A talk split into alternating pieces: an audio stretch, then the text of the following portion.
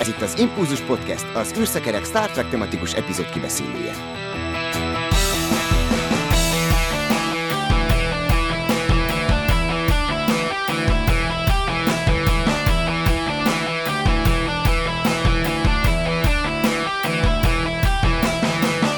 Köszöntöm a kedves hallgatókat! 218. Impulzus Podcastet hallhatjátok és láthatjátok most és a planetology.hu felelős szerkesztője a mai vendégünk, aki nem más, mint Erzsó. Köszöntelek a műsorban. Szia! Szia, sziasztok! Az Impulzus Podcast műsorvezető szerkesztője Dév is itt van velünk. Szervusz! Sziasztok! Én pedig Csaba vagyok. Hát az aktuális adásunkban a Féregjárat című epizódról lesz szó, ennek angol címe The Price, és hát műsorainkban kiemeljük a számunkra fontosnak vélt és élményszámba menő momentumokat, de ezen kívül ugye igyekszünk a Star Treknek a hatásairól is beszélni, és akkor itt vesszük most fel a fonalat, mert nagyon sok NASA munkatárs Star Trek-en nőtt fel. És hát történt ezen a héten, vagy lehet, hogy még korábban, hogy Erzsó küldött nekem egy képet amin Tracy Drain, illetve William Shatner együtt látható, és hát én utána kerestem Tracy Drainnek, hogy mit kell róla tudni, de nem sok magyar nyelvű információt találtam, úgyhogy elérkezettnek láttam az időt, hogy egy kicsit mutassuk őt be. Annyi támpontot talán még tudunk adni, hogy ő ott volt Roddenberry századik születésnapjának is a az évfordulóján, vagy abban a műsorban, amit erre az alkalomra készítettek, hogyha jól emlékszem, de javíts ki Erzsó, hogyha nem így lett volna. Igen, így volt, és pont ott figyeltem is fel rá, mert ugye ott nem sok ember volt, ugye jelen még az online történt az a születésnapi megemlékezés, tehát ez még valamelyik x hullám alatt volt, tehát már ezzel már nem tudjuk számon tartani, hogy éppen melyik alatt és nem is voltak ott összesen, azt hiszem, hogy nyolc abrakra emlékszek, és tényleg űrhajóstól kezdve, hogy a Rodemberi fia ott volt, ugye a NASA adminisztrátora, tehát itt az a, nekem mindig az a nagyon megdöbbentő és elképesztő, hogy egy Rodemberi százas születésnapon a NASA-nak az adminisztrátora vezeti fel a műsort, és ő beszél arról, hogy, a, hogy ez a sorozat az sokszínűségével, a filozófiájával, az eszmeiségével mit adott a NASA-nak. És ugye és mindig én is ezt szoktam mondani, hogy ezért van létjogosultsága bármelyik ismeretterjesztő fórumon, és ugye ezért van ugye heti szinten is e, posztolva egy portálon, mert, mert igenis tényleg van létjogosultsága, hiszen maga a NASA adminisztrátora ismeri, hogy mit kaptak, és ugye azóta, hogy én is kutatom, hogy megnézni, hogy kik voltak ezek a szereplők,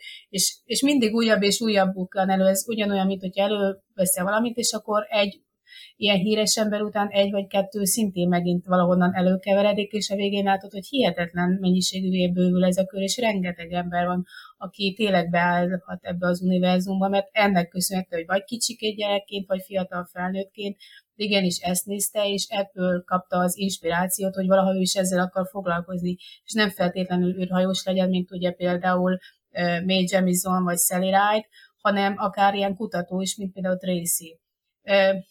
Egyébként egy hihetetlenül életvidám hölgy, tehát van egy nagyon jó pofa riport vele a NASA oldalán, pont ahonnan ezt a képet is találtam, és, és mindegyiknek neki minden megnyilvánulás arról szól, hogy ez egy nagyon jó szórakozás, ez egy remek móka, tehát mindenhez annyira pozitívan és annyira jól áll hozzá, tehát olyan egy olyan életvidám föl, tehát érdemes elolvasni a riportot is, aki kicsit jobban bírja az angolt, mert tényleg annyira jókedvűen és annyira vidáman mesél ezt az egészet, hogy én végül és hogy került ezzel sorba. Tehát ő, ő, neki minden szórakoztató, tehát ő zenészként kezdett, ő klarinétos volt gyerekkorában, de egy roppant ö, racionális volt már kicsiként is, hiszen ő azt mélegelte, hogy mivel érdemes foglalkozni, és mi az, ami hosszabb távon neki stabilebb karrierhez fog vezetni. Tehát ő érdekelte a csillagászat, és mondta, hogy roppant lenyűgözte, hogy hogyan alakult ki a napszer, naprendszer.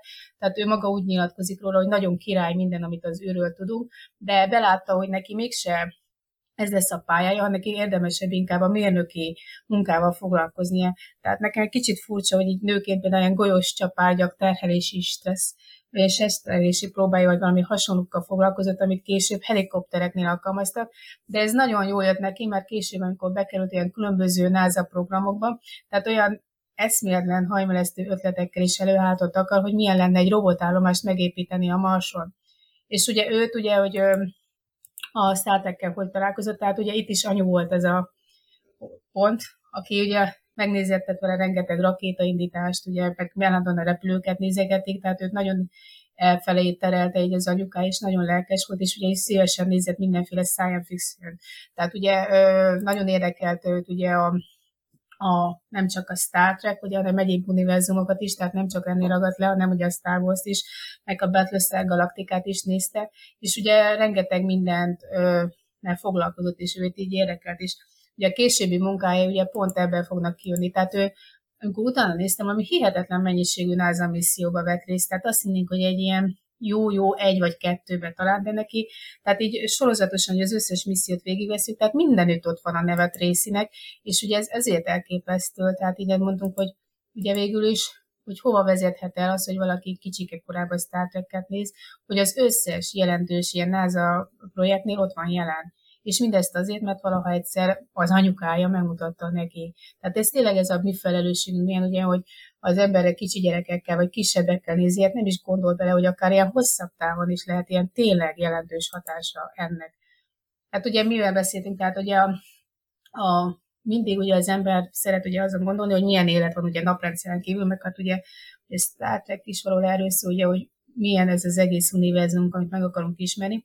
És például ez a Kepler űrtávcsőnek a, a maga az egész missziójában, ez ő is része. Tehát ezek a Kepler típusú bolygók, ez talán mindenkinek, tehát sokaknak lehet ismerős ez a név, hogy ugye ezek a Földhöz hasonló exobolygók, ugye, amik a naprendszeren kívül vannak. Tehát ebbe a misszióban pont, ebbe szintén benne volt nyakik, ugye, az, hogy ő foglalkozott.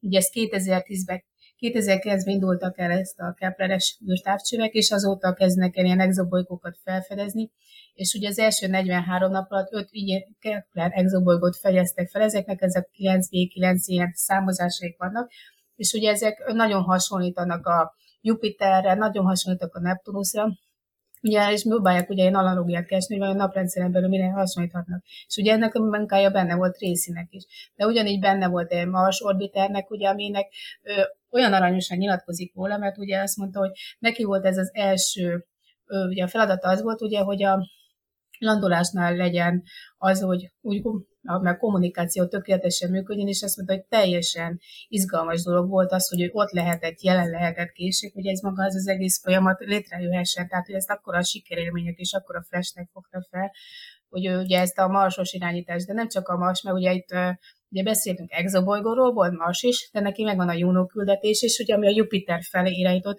és ugye ez meg azért volt érdekes, ez, ezt a küldetést ugye persze ugye van ilyen tudományos része, hogy a Jupitert vizsgáljuk, ugye az atmoszféráját, meg ugye a szokásos, ugye, hogy a Jupiteren található víz mennyisége milyen az atmoszférában, de én nem ezt tartom érdekesnek, hanem amikor elindították ezt a Juno űrszondát, természetesen raktak rá ugyanolyan lemezeket, mint ugye a voyager is voltak aranylemezek, a Juno szondán nem aranylemezek vannak, de vannak lemezek, amit a olasz ürügynökség készítetett, és ugye a Galileinek van rajta fényképe, egy 1610-es iratának ugye egy ilyen másolata, ugye, amiben arról mesél, ugye, hogy ő felfedezte a Jupiternek ugye a négy holdját, ugye, amit Galilei holdaknak nevezünk, plusz ez ugye szép és tudományos, de a poén az nekem az benne, hogy van benne Lego figura, Lego mini figurákat is raktak bele, ugye nem műanyagból, mert azok ebbenek szegények a kiképzést, hanem alumíniumból. Három Lego figura van benne, van egy Galilei, meg van egy Juno és egy Jupiter picike figura, úgyhogy azokat is elindították az űrszondával, tehát azok is elmentek meg sasolni a Jupitert, és ez ugye ez a program ez 2020-ig elvileg ez ki fog tartani, mert a 2011-ben indult ez a program, meghosszabbították, és elvileg ugye ez addig működni fog. De van egy ilyen psziché vizsgálat, és ugye ez egy aszteroida vizsgálat, amiben szintén megjelenik Tracy-nek a neve, ugye, ami azért fontos, mert ugye ez a ahogy is hívják, a Mars és a Jupiter bolygók körül, tehát az aszteroidaiben, és ugye ez pont egy ilyen protobolygónak nevezik, tehát ennek az aszteroidának a vizsgálata hozzájárulhat ahhoz, hogy ugye jobban megismerjük a naprendszerünk működését, meg kialakulását. Tehát e, ez egy ilyen nagyon fontos tudományos munka, és ugye ő, ő ebben is részt vett, tehát ez is itt volt, aki benne volt, és az az érdekes, hogy ez a psziché küldetést elvileg, ahogy megnézni, nem is tudtam róla, mert azt hittem, hogy ez is már ilyen lejárt nem ez, mint a többiek, hogy már úton vannak, vagy meghosszabbították. Ez a psziché küldetés elvileg most augusztusban történne. Tehát, hogy augusztusban ezt tényleg el tudják indítani, ez nekünk megint lesz egy jó apropó annak, hogy a NASA elindít egy küldetést, aminek a hátterében ott van megint egy olyan tudós, aki szintén a Star Trek-kel nőtt fel és inspirálódott, és ez megint egy sikeres küldetés lett, és megint meg tudjuk említeni, hogy igen, a Star Treknek a hatása az még elérhet valóban még egy aszteroida vizsgálatig is. Úgyhogy ez nagyon nagyszerű szerintem, és tényleg olyan sokrétű ennek a hölgynek a munkássága, hogy tényleg, amikor ugye nézzük ezt a sorozatot, ugye hát ugye én elsősorban ugye a TOSZ szeretem, ugye minden részben más és más van, máshol mennek el, más bolygókat vizsgálnak, máshol szállnak le, és ugye ez a tracy az élet, az ez pont olyan. Tehát ez, hogy minden egyes izén ott van, minden egyes küldetésnél ott van, Marsnál is, Jupiternél is, Aszteroidánál is, tehát mindenütt ott a neve, és ő mindenben bele lát egy kicsit, mindent leszáll egy kicsit, leteleportál, és egy kicsit ő is ott van. És ez annyira nagyszerű, hogy ennek az egésznek ez köszönhető, hogy ennyire sokrétű és ilyen tényleg ilyen remek mérnök lett belőle, annak, annak ellenére, hogy nem űrhajós, de mégis mérnökként tényleg hihetetlen mennyisége. Ja, meg ugye nem beszélve a Kepler típusú bolygókról, ugye a naprendszeren túl is ott van a neve, ami tényleg, ahol még ember nem járt, mert ez tényleg az a rész, ugye, hogy Kepler típusú bolygókon még nem járt ember, meg semmi, de, de ő már így tudományosan eljutott oda is. Pont ezáltal az univerzum által. És szerintem ez nagyszerű dolog, hogy így érdemes vele is foglalkozni. Egy nagyon egy tényleg egy fiatal, hihetetlenül aktív és roppant okos, ügyes hölgy, úgyhogy jó, hogy, jó, hogy előkerült így a neve a Rodemberi száznál, mert tényleg egy nagyszerű teremtésnek tartom. Tényleg egy ilyen inspiráló lénynek, akit úgy megmutat az ember, hogy igen, lehet ezt így csinálni, aztán hajrá, mindenki mehet utána. Hát Erzsó, akkor téged be is írunk az Excelbe augusztusra, amikor az említett küldetés megtörténik, és akkor visszatérünk a témára. Üdvözöljük egyébként Trészit innen a műsorból. Tök jó amúgy, hogyha egy mérnöki karon vagy egy műszaki képzésen megjelenik egy kollégida, és ő is belecsobban a csapágy méretezésbe, úgyhogy ez egy tök jó motiváció, hogy Star Trek-et mutassuk be az ifjú hölgyeknek, és akkor töltsük meg a műszaki képzéseket minél több csajjal, és ez egy teljesen valid motiváció lehet innentől kezdve további űrkutatási hírekről tudunk beszámolni, mert olyan breaking esemény történt, hogy űrbatyú 3 május 7-én ugye felbocsátották, de azóta nem tudtunk róla semmit, és hát ezen a napon, ami azt jelenti, hogy június 24, amikor felvesszük ezt a műsort, csodák csodájára megtalálták, de hát ez annyira friss hír, hogy csak is Erzsó tud erről nekünk valamit mondani, mert nekem időm sem volt még arra, hogy áttekintsem, hogy hogy is történt ez valójában. Hát ugye májusban, május 7-én történt ugye az űrbatyú 3-nak a felbocsátása, ezt a Bakonyi Csillagászati Egyesület, meg a Gotthard Jenő Csillagászati Egyesület ők szervezték közösen, de média támogató partnerként megjelent ugye a planetology.hu is, ugye a megjelent ugye a Rezsebek Nádos Science blog is, meg ugye a Coolstars szakkör is, sőt, még a Mant is rajta volt. Tehát ugye így többen voltunk így média támogatók, ugye, akik ugye ezen a kis dobozon, amiben benne volt ugye ez a magas légköri ballonnak a szerkezetei, ugye azokra szép kis matricával fel volt mindenki rakva, ugye ennek így a képét sikerült majd megosztanunk, mert teljesen ilyen váratlanul jött ugye a hír, hogy a Makonyi Csillagászati Egyesület egyik tagja Andris írt egy üzenetet, hogy végre sikerült, előkerült az elkószált ballon. Ugye Kenyeri községben, ez szintén Vas megyében van, ugye nem messze a Sághegytől. Mi magunk is kimentünk oda az esemény után, tehát hogy kivonult az egész csapat, BCE, Planetology, mindenki, tehát ott kimentünk, és próbáltunk mi is segíteni, keresni az elkószált ballont, amik ugye a paraméterek alapján valószínűsítettük, hogy merre lehet.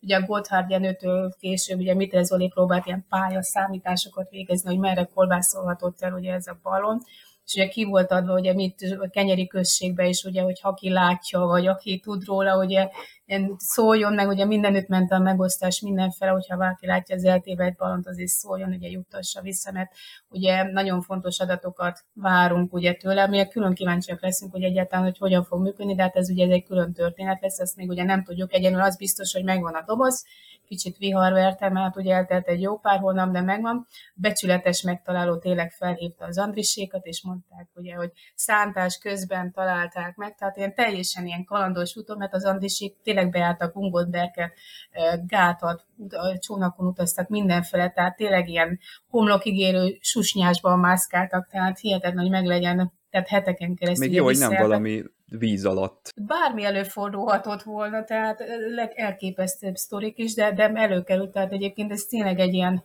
ilyen kalandos, ilyen rejtőjenői történet lett a végén, mert ugye az előző, a második, az, az, az, azt is kalandosan találták meg, mert fa tetején volt, és egy ilyen meghosszabbított pecabot segítségével sikerült valahogy lepecázni, de még az aznap megtörtént. Tehát itt ugye már eltelt jócskán majdnem három hónap, mire előkeveredett a a galát, de meg lett ez a lényeg, aztán most várjuk, hogy nagyon hogyan tudott működni, mert hogyha tényleg működött, akkor ugye már a Batyú 2-nél is valami elképesztő felvételek voltak, tehát zseniális képeket készített ugye a magasságban, meg most is azt tudjuk, ugye, hogy 32 kilométerig eljutott, tehát hogyha ott sikerült működnie, tehát abból biztos megint valami szenzációs dolgok jöttek össze, nem, tehát az még majd ki fog derülni, ugye, hogy milyen adatokkal tud szolgálni. Egyelőre örülünk, hogy előkerült, és ez tényleg példátlan, ugye, hogy ilyen hosszú-hosszú hetek után meglett, és az, hogy tényleg vannak becsületes emberek, akik, akik nem hazaviszik, hogy találtak valami jó cuccot, hanem felhívják a rajta található telefonszámot, és aztán, hogy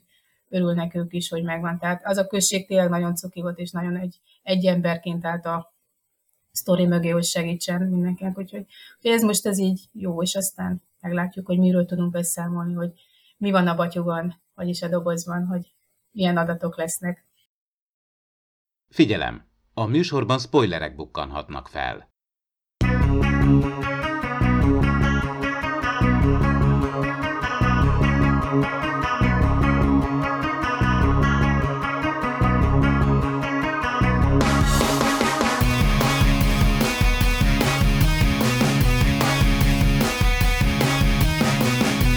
Marina Sörtis nem kapott szerepet a múlt heti epizódban, cserébe viszont most itt egy Troy centrikus epizódban láthatjuk őt.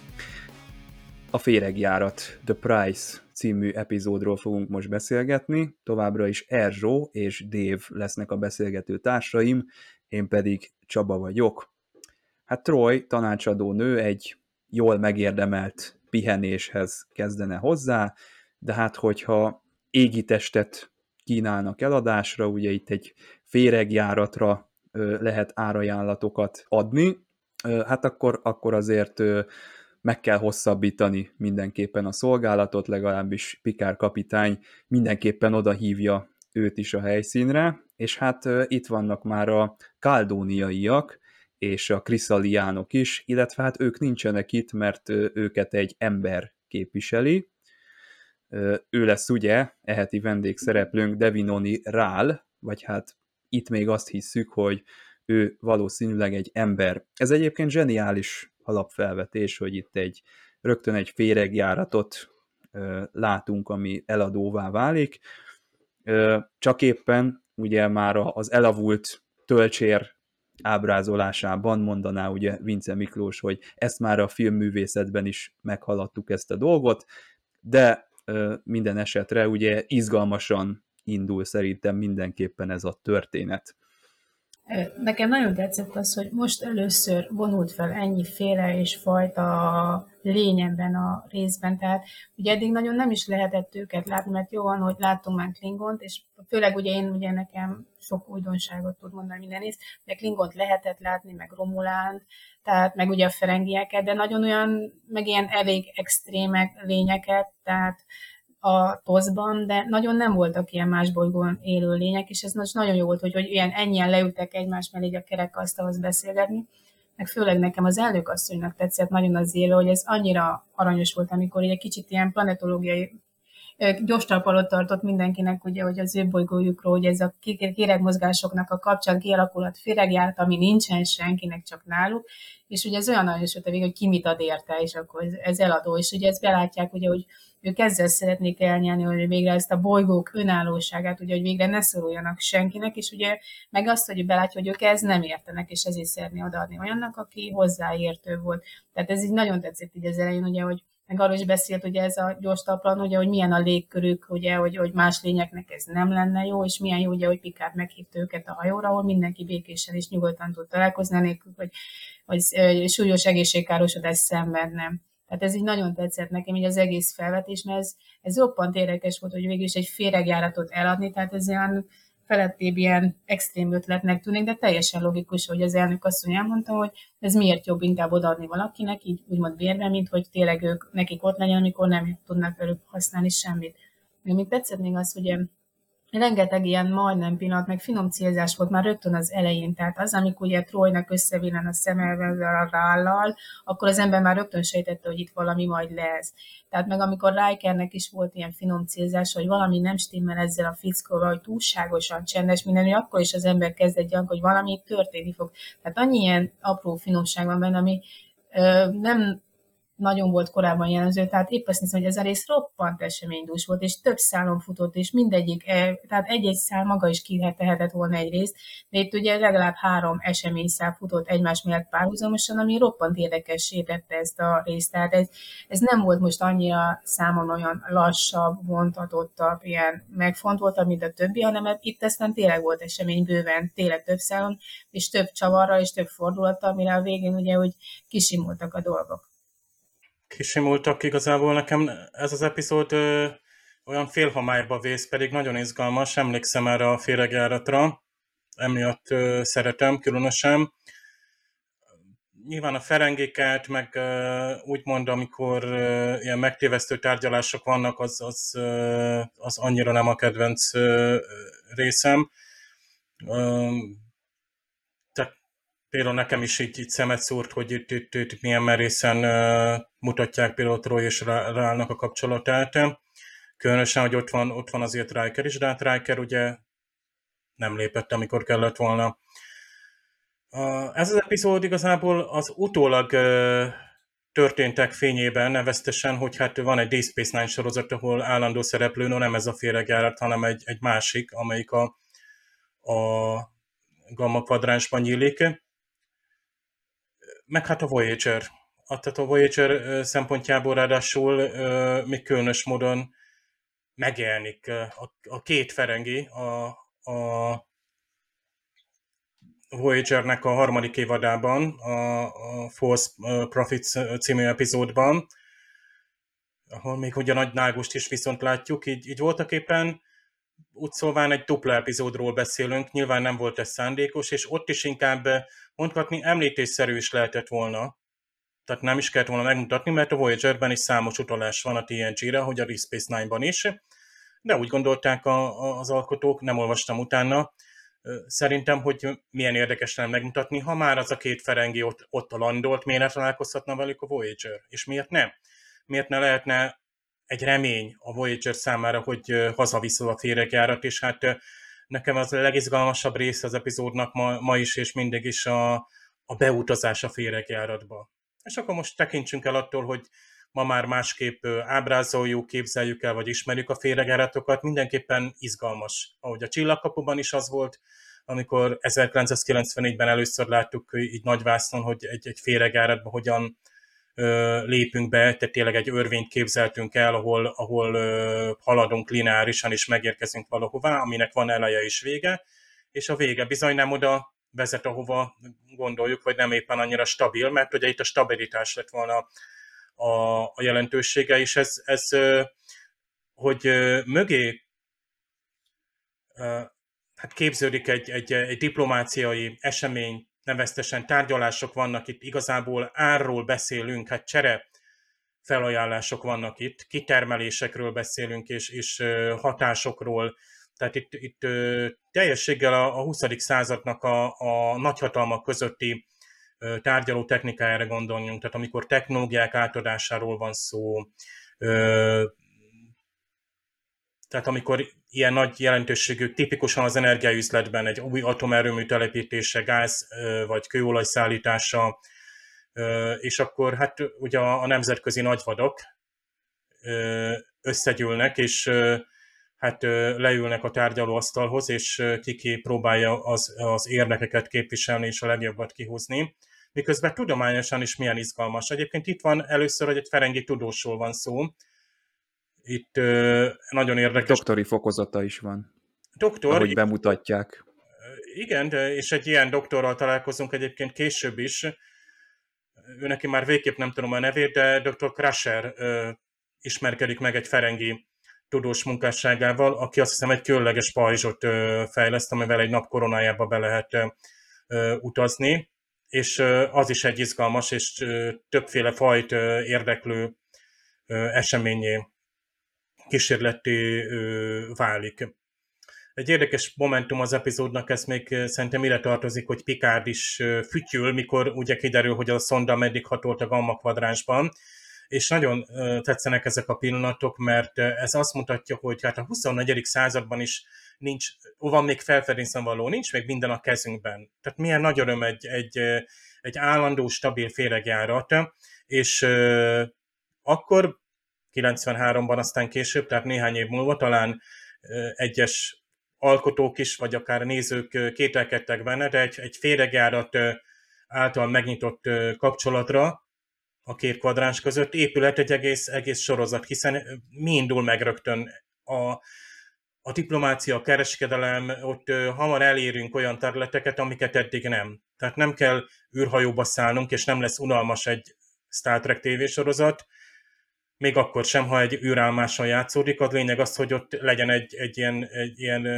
fix kapcsolat, és hát őszintén szóval voyager pedig igazán szurkoltam hát szegény Janeway kapitányéknak, hogy hát ugye ez a féregára, tehát ez, ez, ez állandóan ide-oda mozog, mint a kutyafarka, ugye mondja Janeway kapitány, össze-vissza csapódik a, a delta kadrásban, és szegények próbálják elcsípni, mert ugye remélik, hogy az alfa kadránsban fix és megérkezhetnének ide, mondjuk, de hát sajnos nincs fix pontja, hiába, hogy az alfa kvadránsból ered, és ráadásul még ugye a végén még ettől is rosszabb a helyzet.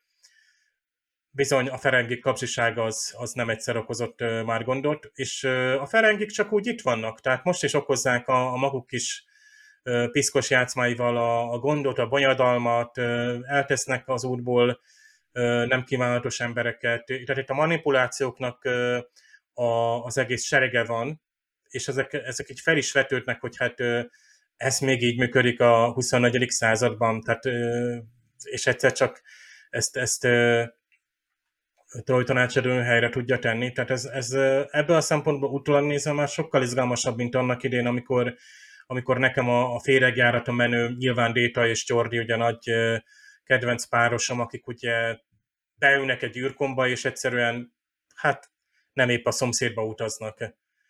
Szóval ez így, így borzasztóan izgalmassá teszi ezt a részt, ahogy Elsó is mondta, hogy itt, itt aztán annyi cselekmény van, hogy több részt is lehetett volna belőle csinálni, de annyira nincs túl túlzottan az epizód telerakva, hogy ebből mi nézők ne értenénk, hogy mi történik. Nekem inkább a, a folytatás volt, a Voyager-es rész egy picit, ami kevésbé volt érthetőbb, Szerintem itt, itt a TNG-ben volt jobban vágott, feszesebb, érdekesebben megírt a történet. Ott főleg, amikor már a nagy Águst eljátszom, hát a Nélix az már kicsit erőltetett volt. De amúgy persze egy hangulatos Voyager epizód, a, ugye a szokásos első néhány évadból belefért, oda még belefért, és érdekes, hogy így összekapcsolták. Ez elég, elég ritka így a sorosztok között az ilyen átívelő ö, szál. Nem is nagyon merik egyébként szerintem csinálni az alkotók, mert tehát azért a nézők hol, hol vegyék fel a fonalat, mi történt az előző részben, meg kéne mutatni. Hogy... Hát az élvezhető azért önmagában is, ahhoz nem kell látni az előzményt, csak azt tudjuk, hogy valahogy oda került két ferengi a féregjára, egy féregjáraton, és én, én is úgy láttam először, hogy nem kapcsoltam össze, hogy ja, hogy ez ennek a folytatása, már nem is tudtam, hogy miről van szó. Talán amikor itt olvastam, most jöttem rá, hogy ja, tényleg, ez így, ez így összefügg. De egyébként itt magában a részben is céloztak rá, hogy majd 8 év múlva felvesszük őket. Tehát ami, amikor még valószínű, hogy amikor... Van. És ez é. logikus, hogy a Voyager is 70 valány évig utazik, ez egy... Erzsó, jól mondtad egyébként, ne ijedj meg. A Picard tényleg Nem. azt mondja, hogy 8 év. Csak Picard tévedett. Csak az a magyar verziónak a, a fordítása egy nullát lehagyott a, a valódi időtartamban. Nem, szerintem az volt, hogy amikor ezt szinkronizálták, akkor már sokkal gyorsabb hajtóművek voltak, és így Picard tudott ugye tized annyi idő alatt. Tehát update, volt más spóra meghajtás. Update, de ez tök jó, hogy ezt a Voyager viszi tovább tényleg ezt a, hogy több évtizedig tart ilyen távolság a két kvadráns között, és ott még a fényévek száma is timmel, tehát tök jó, hogy ezeket a távolságokat, illetőleg az időben, tehát itt látszik, hogy módszeresen gondolkozott a Star Trek, nem csoda, hogy itt a, a JPL és egyéb nagy cégeknél dolgozó szakemberek Star Trek-en nevelkedtek. De egyébként, a, hogy is írják ebben az egészben, tehát a ferengiek eddig se voltak szimpatikus nép. Tehát, de, de, de, hogy, hogy? No, csak... Tehát, nem, nem tudom, tehát ugye amikor ugye a Ferengiek nagykönyvét bele, ugye megnéztem bele, rákerestem, meg beleolvastam, tehát valami hihetetlen, és ebbe a részbe egy az egybe hozzák azt, amit ott ugye rögzítenek, hogy milyennek kell lenni egy jó, egy jó ferengi kereskedőnek, tehát valami hihetetlen módon keverik a kártyát. És tehát az, ahogy a fellépésük is, hogy megjelennek, ugye rögtön kicsapják a biztosítékot, és nekem azt tetszett nagyon, hogy Pikát mindig olyan higgadt meg minden, de hát amikor ugye kiment, hogy, hogy hozzon egy széket, ugye ez a nagy sóhajtás maga mögött, amikor bezárt az ajtót, és nem mondott ő semmit, csak ez az iszonyatos nagy sóhaj, amit látszott, hogy jesszusom, tehát ez annyira jó volt, meg azt tetszett, hogy ugye, ugye Wolfnak is beszóltak, hogy ez a Klingon rabszolga, hogy de senki sem mert valamit csinálni, tehát az, hogy oda menjen és lecsapni, mert ugye hogy mondhat ilyet, de hihetetlenül pimaszok meg szemtelenek, tehát amikor kinyitják az összekötözött kis batyúba, aztán töménytelen mennyiség aranyt, és mindenkinek így egy fennakad a szeme, és írtál, senki nem tud reagálni rá semmit, tehát ez annyira ilyen szemtelen, meg annyira ilyen súnyék tudnak lenni, hogy valami hihetet, nagyon jól meg van csinálva a karakterük. Tehát az ilyen negatív karakterek mindig nagyon jól meg vannak csinálva, bármilyen filmről vagy részről szó, és nagyon jól meg vannak csinálva, hogy abszolút nem tetszik az embernek az, amiket művelnek, és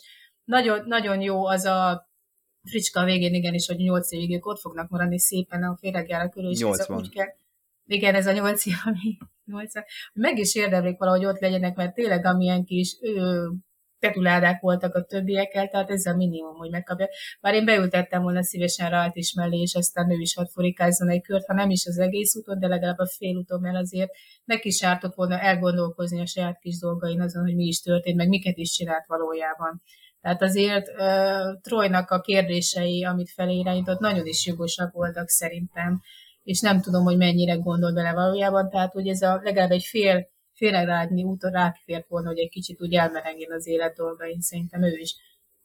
Hát elkeserítelek, Erzsó, mert igazából ez a két ferengi a Delta kvadránsban is erős kizsákmányolásba kezd egy bolygón, és elég jól érzik ott magukat, amíg meg, meg nem jelenik a Voyager. Aztán végülis nem is tudom, mi történik velük, hogy valahogy ők visszakeverednek ugyanezen a féregjáraton, hát azt is újra kéne nézni, bár ez lehet, hogy nem annyira nehéz, mert Dave, te mintha találtál volna az interneten egy olyan rajongói verziót, ahol, ahol ez a kettő így össze van mixelve? Igen, tehát a két 45 perces részből lett készítve egy darab 45 perces, tehát kifejezetten a féregjárattal kapcsolatos események vannak kiemelve, tehát úgy vágva és magyarul. Ott ott láthatjuk, hogy mi történik a, a Ferengékkel is, meg hát, hogy szegény Voyager hoppon marad ö, ismételten. Ez jellemzően az első néhány évadnak a, a fő vezérfonala volt a Voyager sorozatban, hogy hát föl kínálkozik egy alkalom, technológia, vagy féregjárat, bármi, ami hazavezetheti a hajót, ugye, és nem kell a 70 éves utat megtenni. Tehát ebből a szempontból érdekes, érdekes volt. De mondom, hogy a Ferengék, hát igen, ugyanazt művelik, így van. Tehát a, a, nagyon röviden ugyanúgy kizsákmányolják azt a bolygót, ahová ők csöppennek a Delta kvadránsban. Egy új bolygó, és ö, egyébként ö, ott például a Csekotének a fölháborodása, hogy ugye a ferengik azok dősölnek, és a bolygó lakói, tehát beteg, akár betegség, akár ö, tehát éhezés, stb. miatt, tehát ö, sáp, tehát mindenre adót szednek. Szóval egy elég felháborító. Tehát Erzsó szerintem te ott aztán nem, nem hogy meg szeretnéd a ferengiket, hanem azért ott azt hiszem, hogy hadjáratot indítanál ellenük. Viszont jó az ősiklójuk, tehát nagyon aranyos kis nálsárga járványuk van. Tehát ez, ez, ez, ez a tipikus UFO. Tehát az biztos, hogy a, tehát ha, ha UFO észlelés volt a ferengéknek, le kellett zuhanni, és lehet, hogy ők voltak a kis zöld emberkék? Na, Erzsó már említetted, hogy nem túl szimpatikus a Devinoni Rál sem, és hát ha az epizódnak van katarzisa, akkor szerintem a Rikerrel történő találkozás, ugye itt van egy közös metszet, Diana Troy, és Riker azért megőrzi a hidegvérét, és nekem ez a nyugodt Riker jobban tetszik, mint mondjuk a múlt héten a The Enemy-ben, ahol nem nagyon találta magát a parancsnok, de ez megint ez a pókerjátékos Riker, aki, aki egyébként át is lát ezen a vendégszereplőn, és megfelelően helyre teszi ott a Ten Forwardban, a csillagbárban. Ugye Riker, amikor meglátta Rált, ugye neki is volt egy ilyen első reakciója, tehát neki abszolút nem volt szimpatikus ez a, az ember, nem is ember, mert ugye végül is megtudjuk, hogy van benne ember is, de nem csak ember, mert ugye a tárgyalásokon ugye neki túlságosan higgadnak tűnt de utána kiderült ugye, hogy nagyon jól tudja manipulálni a dolgokat, tényleg ilyen pókerjátékos, hogy Rákernél is megpróbálja ugye kiugrasztani ugye a nyulat a bokorból, amikor Trojjal kapcsolatosan próbálkozik, ugye, hogy ő csak szerette volna megkapni magának, de bezzeg neki rögtön sikerült bevinni a, megnyerni a főnyereményt, és ugye Riker meg erre nem ugrik, hanem így nagyon bölcsen csak annyit mond, hogy ő ugye a legjobbat szeretné Diana-nak, pedig de érdekes lenne gondolkozni, hogy ezt most komolyan gondolja, vagy csak nem akart belemenni egy ilyen játszmába, egy ilyen típusú lénye. De egyébként ez a kettő kapcsolatában, ugye, hogy Diana se ugrott erre, amikor ugye rá próbálta provokálni, ugye ez Rikerrel kapcsolatosan, tehát ő se nyilatkozott úgy róla, hanem ő is csak az, hogy nagyon jó barátok, és ennyi. Tehát semmit, ő se próbálta felvenni ezt a szállat, hogy úgy valahogy összeugrassza őket. Tehát egy erre, erre mivel ugye kiderült, hogy neki is van ilyen empatikus képessége, tehát valahol erre jó ráérzett, hogy a kettőjük között, hogy valami egyéb is van, pedig ugye semmi olyasmit nem csináltak ebbe a részben, amiből el lehetett volna következtetni. Tehát ő rögtön sejtett, hogy valamit, valamit nagyon zizek köztük. Egyébként én valahogy egy kicsit nem is érzem jogosnak ezt Diana részéről, hiszen ugye mióta kerülgetik már egymás Rikerrel, és mégse történt soha semmi, erre bejön egy vadidegen, rá egymásra pillantanak, és kézborul rögtön az egész rendszer és, és, és kész, mindent visz ez a idegen lény. Tehát, és ezt valahogy egy kicsit olyan sérelmezem így ilyen szempontból, meg tényleg az a fura, hogy, hogy Trojnak is úgymond el tud menni ez össze, tehát bármennyire is jól át tudja látni a dolgokat, meg az embereket, de ez az a pillanat az, amikor a hogy totál elborítja, és nem lát reálisan. Csak amikor már feloszlik egy kicsit, pont a végére az időben, akkor sikerül valahogy úgy helyre tenni a dolgokat, de egyébként a film közben, a rész közben egyáltalán nem érzékeli, hogy valamit nagyon-nagyon nem stimmel. És kell meg sokkal jobban pedig ő nem empata. Tehát ő az ilyen rutinjával, meg az egyéb ilyen ö, képességeivel tök jól átlátja a helyzetet, míg Troy, akinek kéne, ő meg viszont abszolút nem, ő meg simán bedől ennek a szép fiúnak. Uh, teljességgel megértem, amit mond a Szerzsó. Itt, ezt epizódot újra nézve ugyanezt uh, sérelmezem, ugyanakkor teljesen megértem, mert végül is mégiscsak egy egynegyed részt betazoidról van szó az úr esetében. Egyébként, ha fordítva lenne, akkor Troy fia is lehetne, mert Troy ugye félig betazoid, és akkor a, ennek a rálnak a, a, az édesanyja is félig betazoid volt. Uh, itt most sukhatnék, de nem sugok, hogy, hogy Trojnak mikor és hogy hány gyermeke lesz. Minden esetre ez a, a Riker féle, hát nem is szemtelen, hanem nyugodt hozzáállás, ez nekem is nagyon tetszik. Tehát ez, ez, a, ez a higgadt, ez, a, ez, a, ez az okos ember, aki ebben a helyzetben így reagál, mert végül is az ő kap, nincs, nincs, nincsenek kapcsolatban. Tehát itt nem arról van szó, hogy nyitott kapcsolatok van, hanem nem vették fel újra, mert egyikük sem tartotta bölcsöntésnek, hogy folytassák a, az egykori kapcsolatukat. Már más emberek.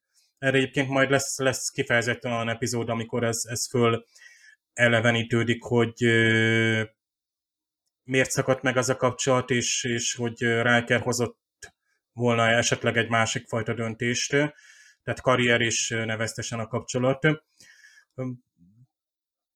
Szerelem, tehát itt, itt, itt azt is lehet mondani, hogy igen, a szerelem, és amikor ilyen jóképű idegenek jelennek meg, férfiak vagy nők, akkor végül is jönnek ezek a romantikus betétek, amelyek random ugyanúgy zajlanak, mint bármelyik másik sorozatban, viszont itt ezzel a csavarral, amivel hát tényleg erkölcsileg megkérdőjelezhető lesz a rál, és Troy, Troy szemében is, akit valahogy elvakított a szerelem, hogy erre nem jött rá, tehát a, a, az érzékeit egyébként kifejezetten ez történt, hogy, hogy nem vette észre azokat a jeleket, amiket neki amúgy észre kellett volna vennie. Bár itt például a Ferengiknél sem teljesen következetes, hiszen egy, egy, a, a, a Ferenginél észlelte például a, hát, a feszültséget, vagy az idegességet, mert leplezett ugye valamit, és ezt elvileg nem lenne szabad, mert de ez csak később lesz hozzá téve, hogy a betazoidok nem érzékelik a, a ferengiket.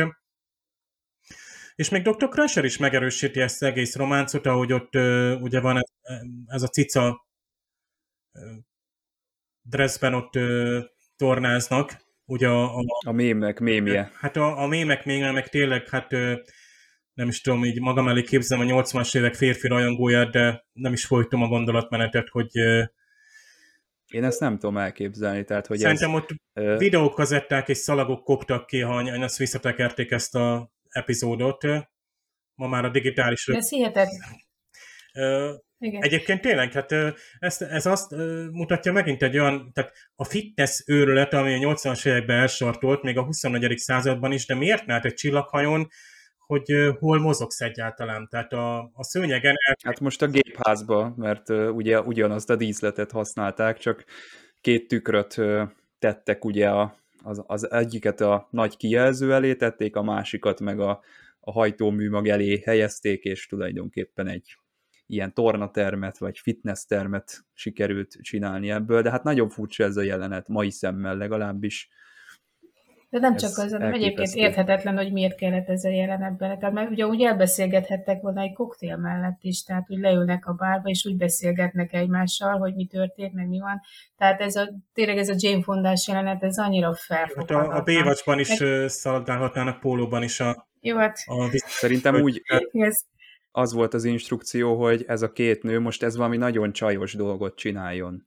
Nem elég, hát hogyha ez... ülnek a bárban, hanem itt most tombol a szerelem, ugye egyik a másikkal találkozik, jó barátok, és ezt így kibeszélik egy ilyen tipikus csajos program keretén belül. Ez én így tudom elképzelni, hogy ez volt a motiváció.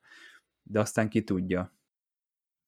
De egyébként ez a milyen to, izé, gyakorlatokat lehet csinálni ugye egy ilyen hajón. De hogy nem mennek spárgába majdnem, tehát azért... Igen, de egyébként minden, ahhoz képest tényleg, hogy milyen munkát végeznek, tehát nagyon hajlékony mindegyik, tehát elég sokat gyúrhatnak arra, hogy ezt megőrizzék, ezt a flexibilitásukat. De a nemzetközi űrállomáson szokott ugye lenni, hogy milyen típusú gyakorlatokat kell végezni, mert ugye ez, ami kevésbé szimpatikus az űrhajós szakmában többek közt, az, hogy naponta két Mozogni kell. Na két órát naponta, tehát, tehát nem is tudom, nem is a maga az űrhajózás tényen riasztana el engem talán jobban az űrállomástól, hanem azt, hogy naponta két órát nekem sportolni kéne, ilyen antisport, én tipikus ilyen nyilas misi vagyok, csak tesi órát, mert te, tehát tényleg az annyira nem az én világom, és ugye az, hogy milyen típus, ugye ezek a fulaszoba biciklik, meg mindenféle izé, futópadok, stb. És pont a legutóbb volt ez a Krisztina nem, Samantha Cristoforettinek, ugye az olasz űrhajósnak, aki az Ezának egy roppant jó fejcsaj, ugye, aki szintén ugye tudjuk a vulkáni köszönést. Jó, igen, beöltözött a szem egyenruhába. emlékének. Igen, meg egyenruhába is beöltözött. Tehát meg amúgy is roppant jó fejcsaj, és nagyon egy eredeti stílusú űrhajós nő. Ő is egyébként a Voyager űrszondával egyidős, tehát ő is az az évjárat. És ő mondta ezt, hogy volt ilyen egy ilyen földi, nem tudnám hirtelen megmondani, hogy ki volt az, aki a földi partnere volt, hogy ne csak ilyen típusú mozgásokat végeznek, hanem űrjoga. Tehát ő neki most is valamelyik nap jött velem szembe a Facebookon egy ilyen, mert ugye követem a, ugye az ISS-nek mindennek, ugye jogázik fent. Tehát, hogy majdnem annyira nem ment le spárgába, mint a trojék, tehát az neki annyira nem volt meg, tehát azért egy kicsit kisebb szögbe sikerült lemennie, de jogázik. Na hát az nem. lenne tehát, az igazán merész, hogyha ezeket a ruhákat venné föl a TNG-ből, amit most itt a Dr. Crusher visel, az, az milyen cosplay. Egyébként az... ez egy merész még konvencionökön is, van. valaki ezt bevállalja. A, a Las Vegas-i találkozókon, amik hotelben zajlanak, ott a hotel tényleg szőnyegezett folyosóin, ott, ott bizony elő-elő fordul, hogy rajongók hát kisebb-nagyobb csoportban nekiállnak tornázni, és hát ezt a híres gimnasztikai jelenet. Ikonikus jelenet. Adják elő. Emblematikus Star Trek történelmi pillanat, tehát amiből ilyen rajongói cosplayek vannak, az, az már tud valamit. Hát kicsit a Justice-t idézi föl ezt. Majd a harmadjára lesz fent majd a Samantha az iss majd hát akkor ez lesz, tehát most a Írjunk neki. Igen, egy ilyen harmadjára, tehát még ilyen nem volt, tehát ugye már volt, ugye volt a, a vulkáni köszönés, volt joga, most akkor következő legyen az, hogy egy kicsit idézem TNG-be, mert most már lapozzunk. Nem tudom, Egyébként, mit szólna hozzá. Fej, Hát nem, érdekes lenne. Tehát mondjuk, hogy humorérzéke az van, mert a törőköző napján is posztolt a törőközőkkel kapcsolatosan, tehát humora van, tehát, de lehet, hogy meglepődne egy kicsit, hogy... Ugye Devin O'Neill azért megmagyarázza, hogy uh, itt szürke zónában mozog, igen, de különbözik-e ez, vagy sokban eltére ez attól, amit mondjuk Troy csinál egy konfliktus helyzetben, tehát itt igen, ez a, most ez a háborúban minden megengedett, tehát ez, a, ez, az, ez az elve, hogy ilyenkor tényleg felmerül, hogy most kinek van igaz, hogy, hogy a kicsi simliség, meg nagyobb simliség, most kinek a vétke nagyobb, mert ugye végül is a Ral is csak ezt csinált, hogy végig, ízi, végig így sakkozgatta a szereplőket, hogy végül neki legyen jó, és most, most ez tényleg mennyire korrekt, mert őt azért küldték oda, hogy elvigye a üzletet. Neki az volt a feladat, őt azért bérelték meg, azt hiszem, jól rémlik azt, hogy azt mondják, hogy ő zsoldos, tehát talán az, az elején ezzel kezdik, hogy ő zsoldos, tehát ő azért kapta a bérét, hogy ő, hogy ő megszerezze ezt a féregjáratot. Ez a, majdnem az, hogy bármi áron. És ő ahhoz képest nem is csinált annyira tisztességtelen eszközöket, mint például a ferengiek azért a speciális vakcinával, ugye, amikor szegény, vagy hogy hívják ott, ugye megbetegítették. Mert ők azért egy kicsit, ők is tisztességtelenül játszottak, de ők, ők azért, tehát egészségkárosítóbbakat. Ugye ő csak így pszichésen csak szívesen próbált hatni a másikra, ugye, hogy úgymond saját döntéséből szálljon ki a játékból, de nem azért, mert lebetegedett és mozdulni se vér. Tehát azért ez is ilyen érdekes, mert ugye tehát a ferengiek is eljátszották ezt, hogy így belenyúltak a rendszerbe. De, de, de tényleg úgy tűnik, hogy ennek a ralnak valahogy, tehát nincs meg a önkontrollja, tehát mintha nem lenne önkontrollja, mert Diana mintha egy kicsit többet mérlegelne, tehát neki mintha egy kicsit ilyen sokkal empatikusabb lenne inkább a másik felé, mint, mint amit, amit Ral csinál. Tehát ő, ő végül is szerintem nem tudom, hogy belegondolta, hogy ugye, hogy ez a játszmázás, hogy milyen hatása van a másik lényre, tehát tényleg nem, hogy mit érezhet. Hát ő neki a cél a fontos. Tehát hiába empata, tehát ilyen szempontból nem biztos, hogy átérzi a dolgokat, és nem tűnik fel neki, vagy nem is biztos, hogy képes arra, hogy feltűnjön. És ilyenkor meg méregelhető, hogyha, ne, hogyha nem tudatosan csinál, tehát nem tűnik fel neki, hogy mit okoz ezzel, akkor viszont hibáztatható-e érte? Vagy tényleg csak ő a feladatát csinálta? Hát nem tudom, hogy nem tűnik-e fel neki, mert én szerintem ő ezt úgy kezeli, hogy üzlet. Tehát nem is kell neked empatának lenni, nem kell semmilyen speciális képesség ahhoz, hogy te lássad, hogy például rosszat okozol egy másik embernek egy tárgyaláson. Ő is azt mondja, hogy vannak azért más nem verbális jelek is, és ezt meg lehet tenni egy tárgyalóasztalnál, lehet szélhámoskodni, lehet piszkos eszközökhöz nyúlni, te pontosan látod azt, hogy mi lesz ennek az eredménye, de lehet, hogy te ezt félreteszed, mert meg kell kötnöd ezt az üzletet, és szerintem ő is így viszonyul ehhez, valahogy elszámol a lelki ismeretével, tud vagy nem tud ezzel élni, ugye, hogy Cisco kapitány fogja majd ezt megfogalmazni, tehát szerintem nem biztos, hogy elsiklik az érzelmek és a, és a kár felett, amit esetlegesen ő okoz, csak ő egy ilyen törtető üzletember. És a magánéletben is? a kérdés. Igen, én ezt akartam kérdezni, hogy van Trója ezt kapcsolatban is ilyen vagy volt? nem gondolta, hogy ez is csak számítás volt, vagy, vagy, vagy igen. komoly volt? Szerintem... Hát Troy részéről biztos, hogy őszinte volt, tehát ott egyértelmű, hogy ő, ő, ő, ő elveszett ebbe a sztoriba teljesen. De ő szerintem De... ő, ő beleszeretett a Troyba, mert ugye amit a végén mond, hogy jaj, gyere velem, meg legyél te a lelkiismeretem, ez ilyen tipikusan nagyon rossz duma, ilyen hollywoodi filmekből, szerintem ő azt már komolyan mondja. De lehet, hogy kezdetben ez egy, ez egy sakjátszma része volt, hogy na, itt van a csaj, és ez jó lesz, hogyha vele összejövök, mert lesz, lesznek, eznek meg lesz majd a maga haszna, hogyha én ezt megteszem. De milyen hasznot, milyen hasznot remél? Tehát itt, itt, itt, én is próbálom, tehát az a baj, hogy túl, túl kevés, az epizód motivumokat hoz fel.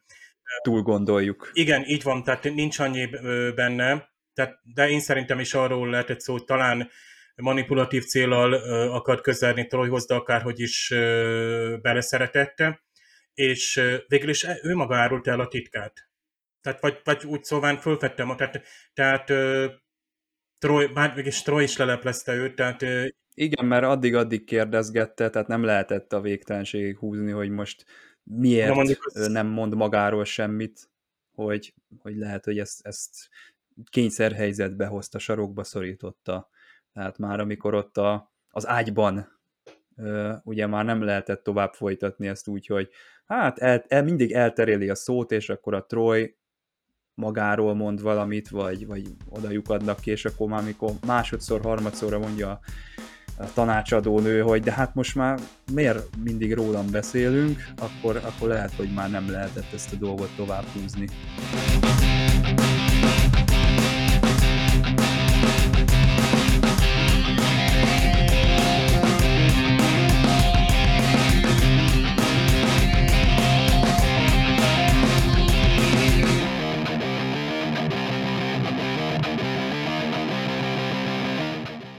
Hát ebben az epizódban ismerkedünk meg a, a Barzani uh, fajjal, és különös, hogy ez a faj még vissza fog térni, méghozzá rendszeresen a, az egyik új Star Trek sorozatban, a Discovery sorozatban. Egészen jó kis háttérsztori uh, is lesz belőle, ott uh, Anán nevű szereplőhöz kapcsolódóan.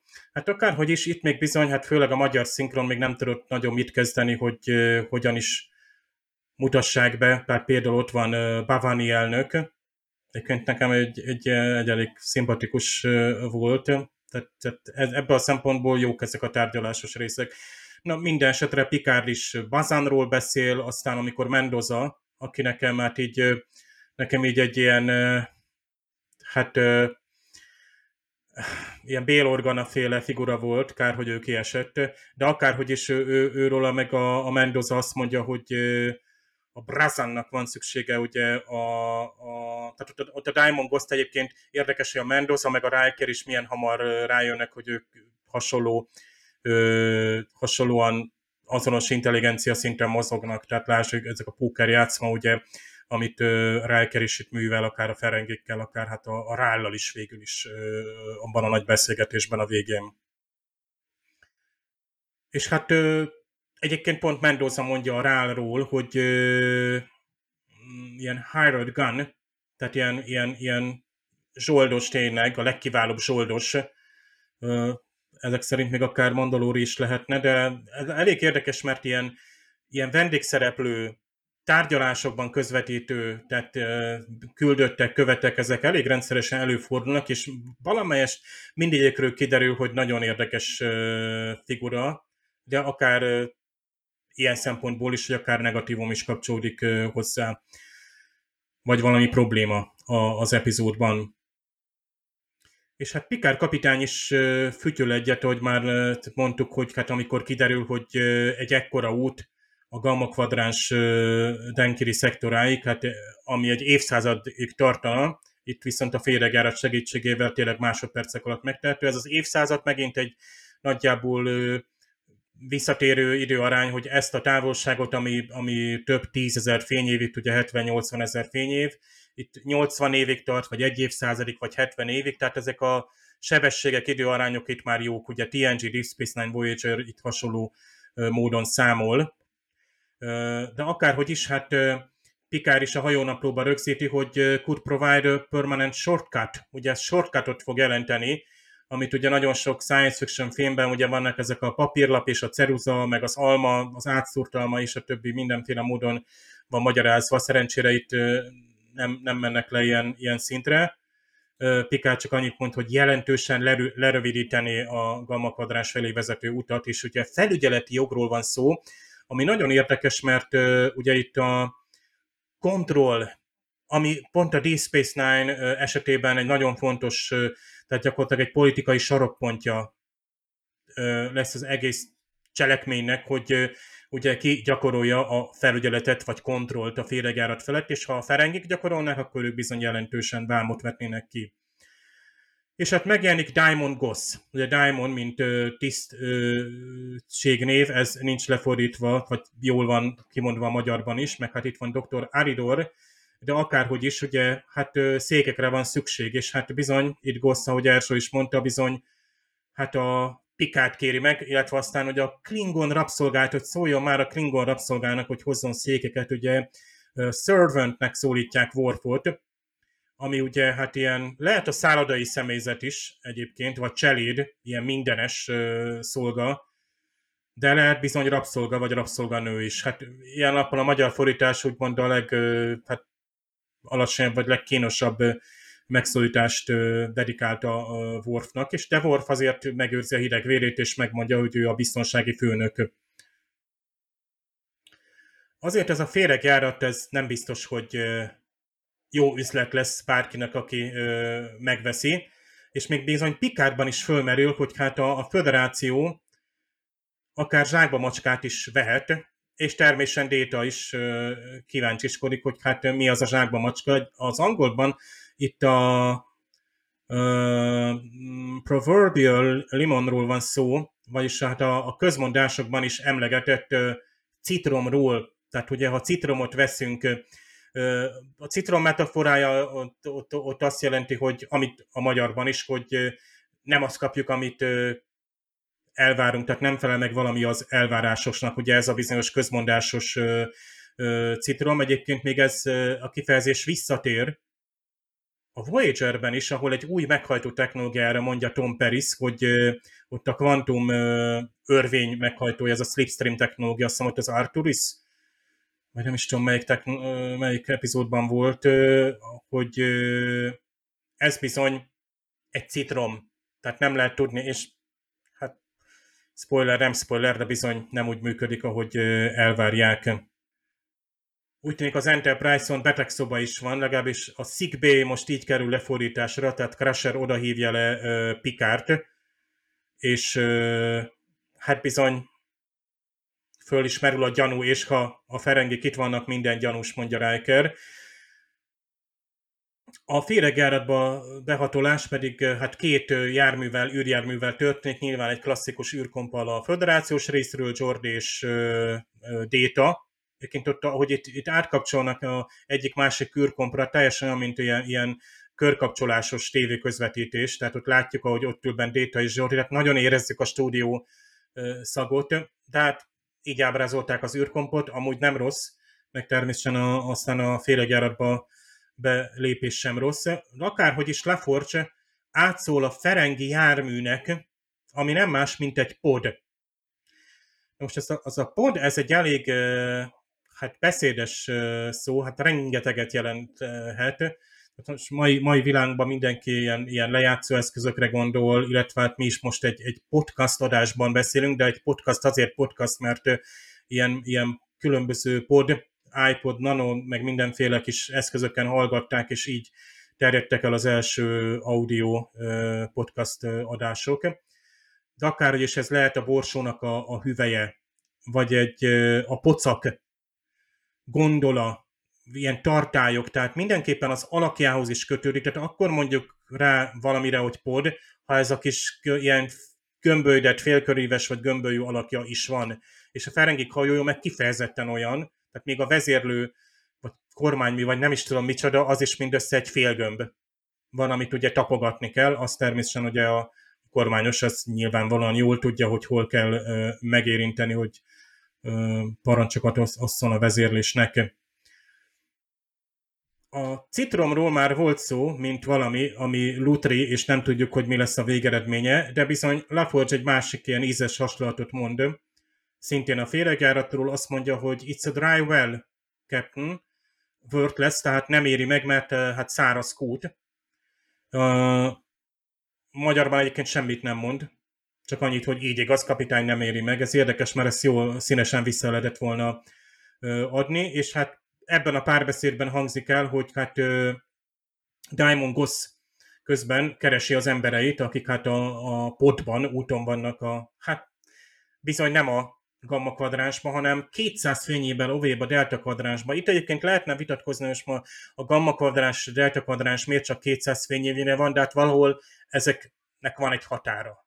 Tehát a delta kvadráns legközelebbi pontja az, az lehet, vagy közeli pontja lehet 200 fényévére attól a gamma kvadránsbeli szektortól, vagy nyúlványtól, vagy nem is tudom, hogy nevezték, ahova érkeztek először. Akárhogy is, ugye ők már a delta kvadránsban vannak, amint megtudjuk majd a Voyager-beli folytatásból, és hát Picard is azt a parancsot adja, hogy hát mikor a, a, a Diamond követeli, hogy árulják el, hol vannak az emberei, hogy hát adják meg nekek a koordináták a delta kvadránsban, mert majd fel is vett őket körülbelül 8 év múlva, ami hát nem 8, hanem 80, lehet, hogy nem fért ki Pikárnak a szájára ez a, ez a 80, pedig azért egy kicsit erősebb lett volna, azt is lett volna mondani, hogy száz év múlva, de hát végül is minden jóval vége jó, de az epizódnak nem volt vége, legalábbis olyan fix vége nem, hiszen megszakadt a románc is, és a terengik is eltűntek, tehát ez az epizód folytatásért kiállt.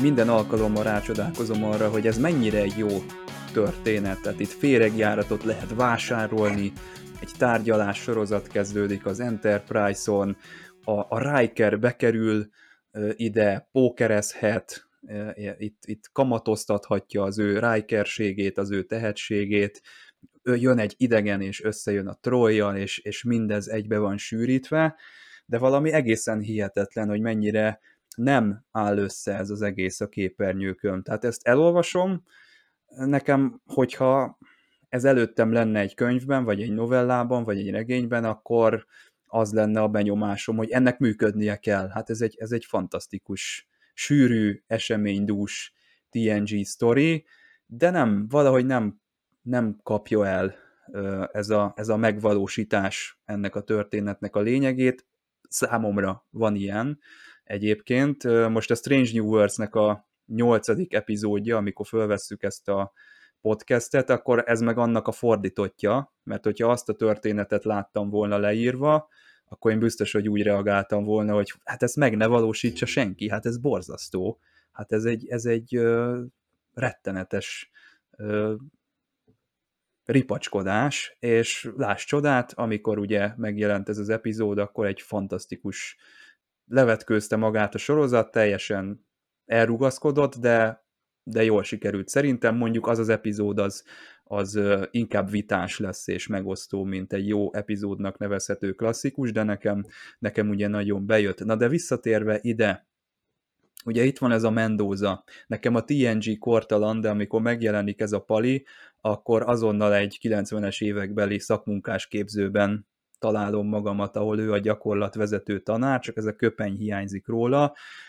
Nem szeretném a szegény színész bántani, most nagyon gonosz voltam egyébként vele, és nem ő a legnagyobb baj itt, a, itt az epizódban, sőt, ő egyáltalán nem baj, mert az ő karakterét én még szívesen meg is ismerném egyébként, tehát kár, hogy olyan hamar lepattintják, ugye a Ferengik ezzel a vegyülettel, vagy nem is tudom mivel.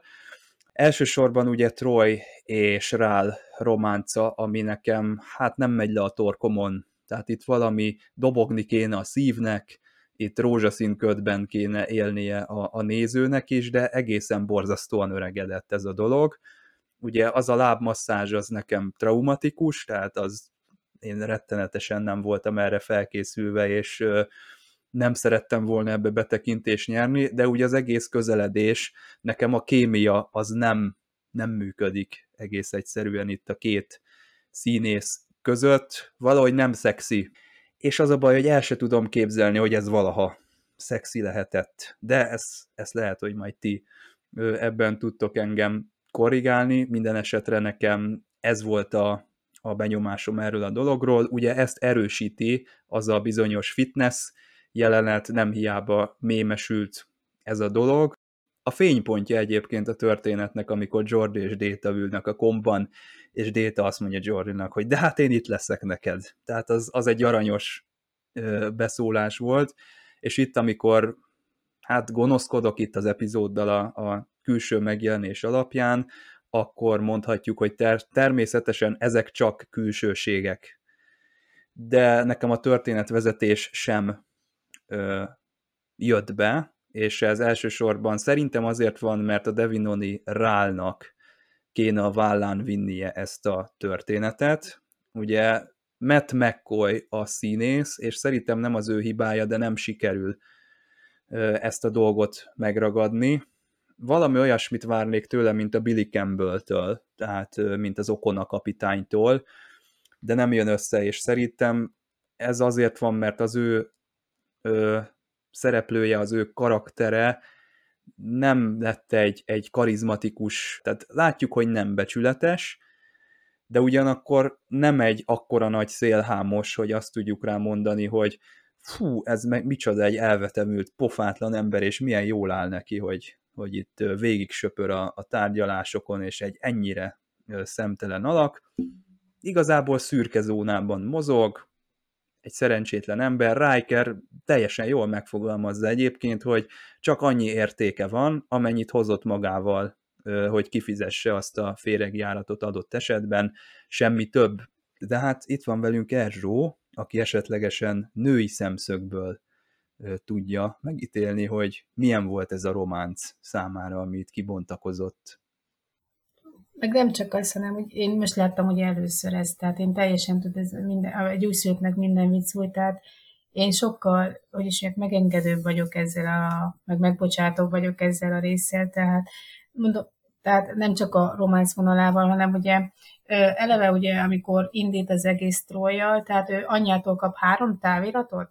Én nekem az roppant tetszik, hogy ő rögtön kicsapja ez a biztosítékot Trojnál, hogy az anyja zaklatja három üzenettel is, és a kompjútertől csokoládét akar kérni, valódi, igazi csokoládét, nem ilyen szintetikus vackot, amit szoktak, és ugye próbálja elmagyarázni a kompjúternek is, hogy nem valami trutyit próbálja neki hozni, hanem valami rendes csokit, és ugye megkapja a kompjútertől, hogy már pedig olyan nincs, mert az nem egészséges, bla bla bla, stb. És ez nekem ez tetszett már ez a felütés, tehát én ezt a három vonat, tehát vonalat abszolút, én, én az én agyamban ez jól megfér egymás mellett, tehát én eleve ilyen Matrix-szerűen gondolkozok, és ez pont olyan volt, hogy három vonal futott, szépen békésen egymás mellett. Ugye volt ez a Ferengi Föderáció féle csatározás, határvillogás, stb. Ugye, hogy ki a nagyobb kiskakas a személydombon, ugye, ugye ez, ami köztük volt, ugye, amire célozgattak is a végén, ugye, hogy pont ezt használtak ki, ugye arra, hogy ugye a föderáció meg a ferengiek ugye egymással így hogyan állnak egymáshoz. Ugye volt ez a vonal, ez a féregjárat, ami nekem mondom, hogy ez az én planetológiai vonatkozásában nagyon tetszett, mint olyan. Tehát én nem ezt a formát nézném, mint Miki, ugye, hogy nem elég autentikus, engem a, maga az ötlet maga volt jó, meg ugye azt, hogy hogyan próbálták ezt kipatolozni, ugye, hogy Picard is, ugye, hogy óvatosan kell kezelni, nem szabad beleugrani, tényleg biztonságos-e, és ugye a végén rájönnek, hogy abszolút nem egy biztonságos valami, tehát nem éri meg ebbe beleinvestálni akármennyi pénzt sem. A harmadik meg ugye ez a romantikus szám, amit mondták. Tehát engem annyira nem, nem zavart, ez, ez nem az a fajta románc volt, amit Troy meg Riker között lehetne, ami elsöpör mindent. Tehát amilyen tényleg eget földet rázó valami lehetne. Ez olyan teljesen jó kis lájtos ilyen valami, amivel úgy el lehet lenni. Tehát nem az, akihez hozzá akarsz menni feleségül, nem az, aki valami, de, de olyan jó, kellemesen el lehet tölteni az időt, mert jó. Tehát nem is hiszem, hogy Troy azt mondta, hogy egy percig is gondolkozott volna azon, hogy vele menjen. Tehát ez, ez nem feltétlenül a, a, a, a volt annyira komoly egyik ők részéről se szerintem, hogy ez olyan halálosan komoly lett volna. És ezért nekem ez úgy, úgy belefért, hogy lehet, hogy nem dúlt annyira, amit mondtad, hogy nem volt olyan kémia, tehát ilyen, ilyen szép, ilyen finoman, tehát nem forró lánggal égett ez a tűz, hanem olyan, olyan finom langyosan, de úgy, úgy az meg volt annyi, úgy, úgy, ahhoz úgy elég volt, hogy egy kicsit úgy kibillentsett volt abból a szerepéből, amit eddig láttam tőle. Tehát ő eddig nem, eddig mindig ez a tényleg ez a higgadt tanácsadónő volt. És, és most ugye inkább ilyen az emberi részei jöttek elő, ugye, akit csok, rendes csokit akar enni, aki szerelmes lesz, aki ábrándozik, aki csacsog a barátnőivel, tehát ez is olyan szokatlan volt eddig tőle. Tehát az, hogy egy kicsit másabb oldalát lehetett megismerni, ami, ami eddig be volt mutatva. Tehát egy kicsit az emberi része. Jó, hogy a végén persze visszakattan, mert műszakba helyezte magát, és akkor rendet teremtett, de, de a egész többi rész alatt ez egy kicsit másabb volt. És lehet, hogy tényleg nem életes szerelmére találtál, de egy kicsit úgy kikapcsolt ebből az egész rendszerből, ami, amiben úgy benne volt eddig. És én nekem ezért nem olyan zavaró ez az egész dolog, mert, mert ez nem arról szólt. Az, ami arról szól, az nem vele lesz, nem a Rallal lett volna. Rá, rá inkább. Tehát ott inkább életre halára megy ez a dolog, mint, mint Rallal. Tehát ennek ellenére vannak ilyen kapcsolatok, amik kitartanak így akár 10-20-30 évig is, és le lehet így élni életet, tehát ilyen, ilyen, ilyen lángolás mellett is, de, valakinek ez elég, másnak meg nem. Ez most ez az epizód, ez most erről szólt egy kicsit így másabbnak lenni kikapcsolni, aztán nem nagyon hulladt a trója könnyeket a srácok amikor kiderült, hogy nem tiszta. Tehát nem omlott össze zokogva, és szaradt a doktornőhöz, hogy úristen, milyen a szerelmem, segíts rajta. Tehát nem, semmi ilyesmi nem volt. Hát vagy nem láttuk, mert ugye olyan, ahogy a Dave is mondta, olyan Szerintem... hirtelen elvágták az epizódnak a végét, hogy nem volt. Szerintem nem volt, mert egyébként nem tudta volna ilyen racionálisan helyre rakni a dolgokat. Tehát, hogyha valaki kiakad, akkor ez nem lesz ennyire racionális. Szerintem amúgy ez eléggé, tehát a történet szerint én ezt úgy értékeltem, hogy ez egy forró szerelem, tehát ahogyan a, a Crusherrel, Dr. Crusherrel beszélget, ez nekem az jött le, hogy teljesen meg van őrülve, ez, ez most felkapott ez a láng, és ott Dr. Crusher is mondja, hogy hú, volt neki is egy ilyen, amikor egy héten keresztül aztán magas fordulatszámon pörögtek a dolgok, és akkor, de az milyen vicces, hogy azt mondja a Troy, hogy ja igen, a Jack Crusher, de hogy is, hát ez egy másik férfi volt, de még véletlenül se a férjére kell gondolni, Szóval szerintem pörgött ez a dolog, csak a, lehet, hogy a rál részéről nem pörgött, meg lehet, hogy a nézőben nem pörgött ez a dolog. Nekem csak egy érzés az, hogy például amikor az említett Okona kapitány távozik vendégszereplőként, akkor az volt a megélésem, hogy hú, de érdekes volt ez a figura, és most hova megy? Most milyen jó lenne látni, hogy, hogy ez ott egy, egy még elkezd valakivel összejönni, csajozni, mit tudom én, de itt amikor kiment a Devinoni rá az ajtón, akkor azt mondta a néző, hogy na hál' Istennek, hogy végre elment, és a Troy is azt mondta, hogy jó, hogy nem látjuk többet. Hát épp ez pont a kurszót, ugye, hogy azt mondta Crusher, és hogy Dr. Crusher, hogy egy hétig tartott, és egy hétig tökéletes és jó volt, de ennyi volt az egész sztoriban. Uh-huh. És ez is ennyi volt a sztoriban. Tehát ez így tökéletes, jó volt, minden, de készen. Tehát ez egy 80-as évekbeli, vagy egy most már lehet, hogy a 90-es évekbe átléptünk, egy 45 perces epizódikus TV Igen. széria, ebbe ennyi volt. Igen, aztán majd lesz más, vagy máshogy, másképp. Lesz ez még másképp, de ahhoz még sok TNG epizódot kell, meg egyéb más uh, Star Trek sorosztá epizódot nézni. Uh, annélkül is uh, uh, jó volt azt látni, leszámítva, hogy itt látunk tényleg egy ilyen, ilyen tipikus tehát Dallas, vagy nem tudom, hol, hol lehet, tehát ilyen, ilyen, ilyen románcok, de ez, ahogy ugye Crusher is mondja, hogy őnek is volt Jack Crusher előtt egy nagy ilyen, ilyen szenvedély, mert ugye még a Rál is ezzel büszkékedik, ott Rikert ott leszúrja ezzel, ugye azt, azt várja, hogy Riker olyan kicsinyes lesz, és olyan, olyan szűklátókörű, hogy ugye amikor azt mondja, hogy hát milyen szenvedélyes, nem csak brilliáns és kedves, hogy Riker milyen féltékeny lesz. De Rikerben sokkal, tehát az ő kapcsolata Diánával sokkal mélyebb, vagy mondhatnánk ilyen, ilyen tőzek, erdőknek a tűze, amelyik időnként aztán, tehát mindig ott van és egyenletesen varázslik, de aztán alkalomattán erősödik, vagy fokozatosan erősödik. És az ilyen nyaraló, egy hetes szerelmek, át, átutazó ügynökök, vagy nem tudom, nem nagyon zavarják meg ezt a jó kapcsolatot, ami, ami alapvetően egy hatalmas bizalomra épül, egy barátságra és egy lelki vonulatra, tehát ilyen módon Riker nagy lelkű azt mondja, hogy hát ő lenne a legboldogabb, ha, ha Diana is boldog lenne. De basic, basic abban, hogy Diana egy tehát jó döntést tud hozni. Hát egyébként pont ez a legnagyobb erénye egy, egy, egy kapcsolatban, ha ezeket a bizalmakat meg tudjuk adni egymásnak, és akivel nem sikerül, ott, ott volt egy szenvedélyes fellángolás, de nem ő hozzá megyünk feleségül vagy férjül. Tehát, vagy vesszük el. Tehát, nem, tehát ez, ez, ha van olyan szerencséje valakinek, hogy tényleg az igazi hoz, tudja elvenni, vagy hozzámenni, akkor végül az, az ilyen hogy ott nem zavartatték, hogy most jaj, visszajött egy, egy régi szerelem, és akkor nem tudom, mi lesz most újból, vagy most jött egy másik férfi, és akkor egy másik nő, és akkor jaj, mi lesz. De ezek persze, hogy benne vannak, meg fáj. Tehát alapvetően ez van, és a néző is azt várja amúgy, hogy Rikernek fáj, mert Riker tud olyan lenni. Tehát ő egyébként tud ilyen, ilyen laza, meg felszínes is lenni. De itt, itt nem, mert a Diánával kapcsolatban neki nagyon mélyek az érzései, tehát ő, ő nem kételkedik. Na mindegy, itt én is nagyon rámentem erre a, a romantikus részre, ami, ami igazából nem a legfőbb értéke az epizódnak, mert kínos jelenetek kapcsolódnak hozzá, hogy Csaba, te is elmondtad, és ne is idézzük fel újra. Tehát ez amiatt, amit ezt az epizódot tényleg csak így vágva, óvatosan, finoman kell megmutatni, hogy itt van itt egy izgalmas tárgyalásos féregjáratról, és ez a későbbiekben, a jövőben is képvisel egy, hát akár anyagira is váltható értéket mert mindig azt kérdezik, hogy hát a föderáció, ez hogy, hogy működik, tehát nincs pénz, nincs, nincs kereskedelem, de van kereskedelem, tehát igenis vannak javak, értékek, szolgáltatások, amiket a, pont a föderáció nyújt, a, hogy sokfaj együttműködése tud például egy tartós békét, vagy egy, egy kiegyensúlyozott, egyenletes életminőséget biztosítani a, a elég nagy területen, és ezért óriási lépés, hogy hirtelen egy másik kvadránsba jutunk át. Egyébként ez a Deep Space Nine jól megmutatja, hogy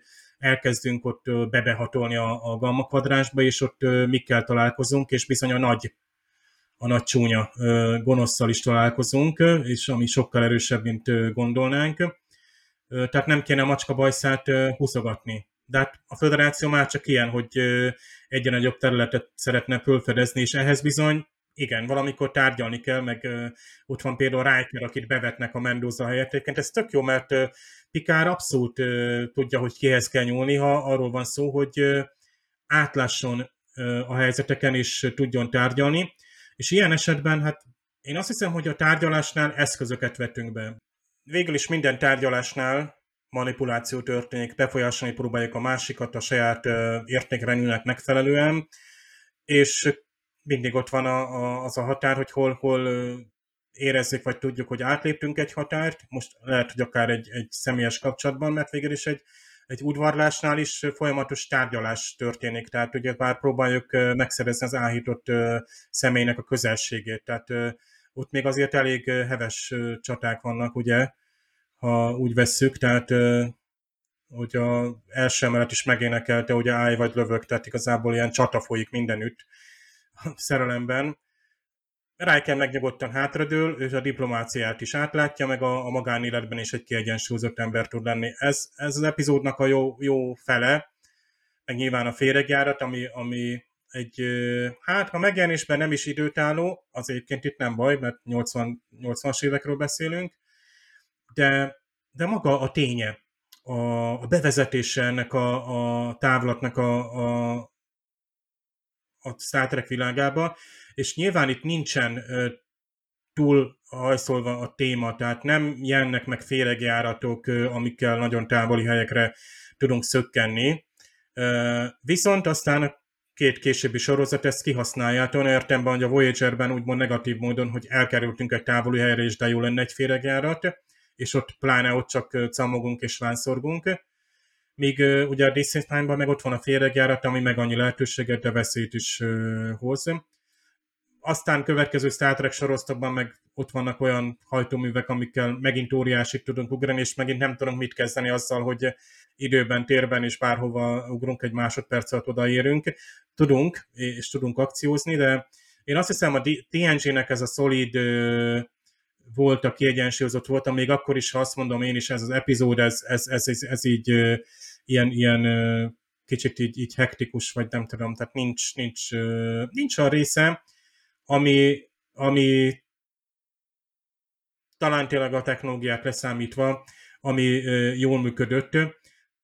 Nyilván a manipuláció a Ferengik részéről, a, a Rál részéről, azok csak azt mutatják meg, hogy még mindig próbáljuk kivetíteni, hogy ahogy zajlanak mondjuk a 80-as évben egy tárgyalás, meg szerintem világos, hogy még ma is.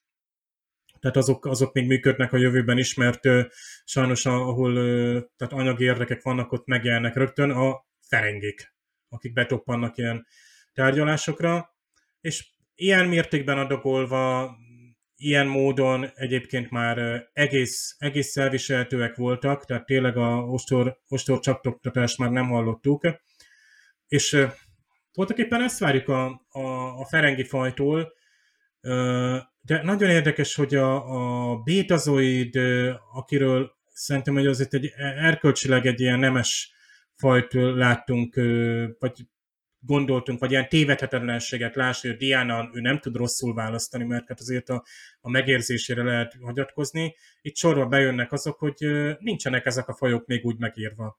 Tehát itt igenis tévedhet egy, egy betazoid nő is, ha érzelmekről van szó, meg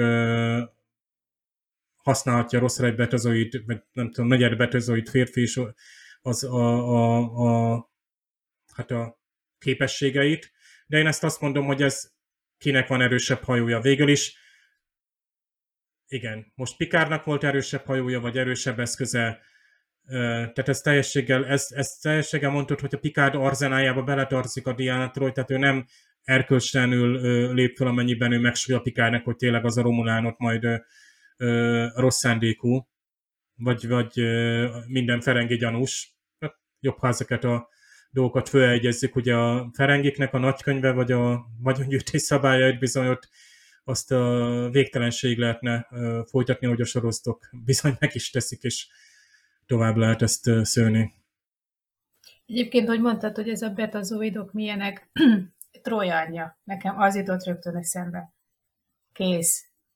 Tehát az, hogy mennyire tökéletesek és jók, és ugye pont veled voltam abban a részben, amikor kibeszéltük, amikor Trojania meglátogatta Trojt, akkor feleségül akarták adni egy random fickóhoz. És amit ott a Trojania leművelt egymással, a kettő, két nő, tehát ez az anyalánya dolog, tehát ehhez képest kicsit úgy érdekes lenne az, hogy mennyire tökéletes ez a betazoid faj, mert ők ott ketten, amit leharcoltak, mint anyalánya, tehát abból hihetetlen irodalma, szakirodalma van ennek a pszichológiájának, ennek emberek közt, ugye, hogy az anya és a lánya funkció, hogyan működik. Tehát ott, ott, ott látszik ez a ö, jellemvolás, hogy azért ők se tökéletesek, ugye. Ott ugye végig erről szól ez az egész, ugye, hogy hogyan próbálja segítségből megkeseríteni a kedves gyermeke életét.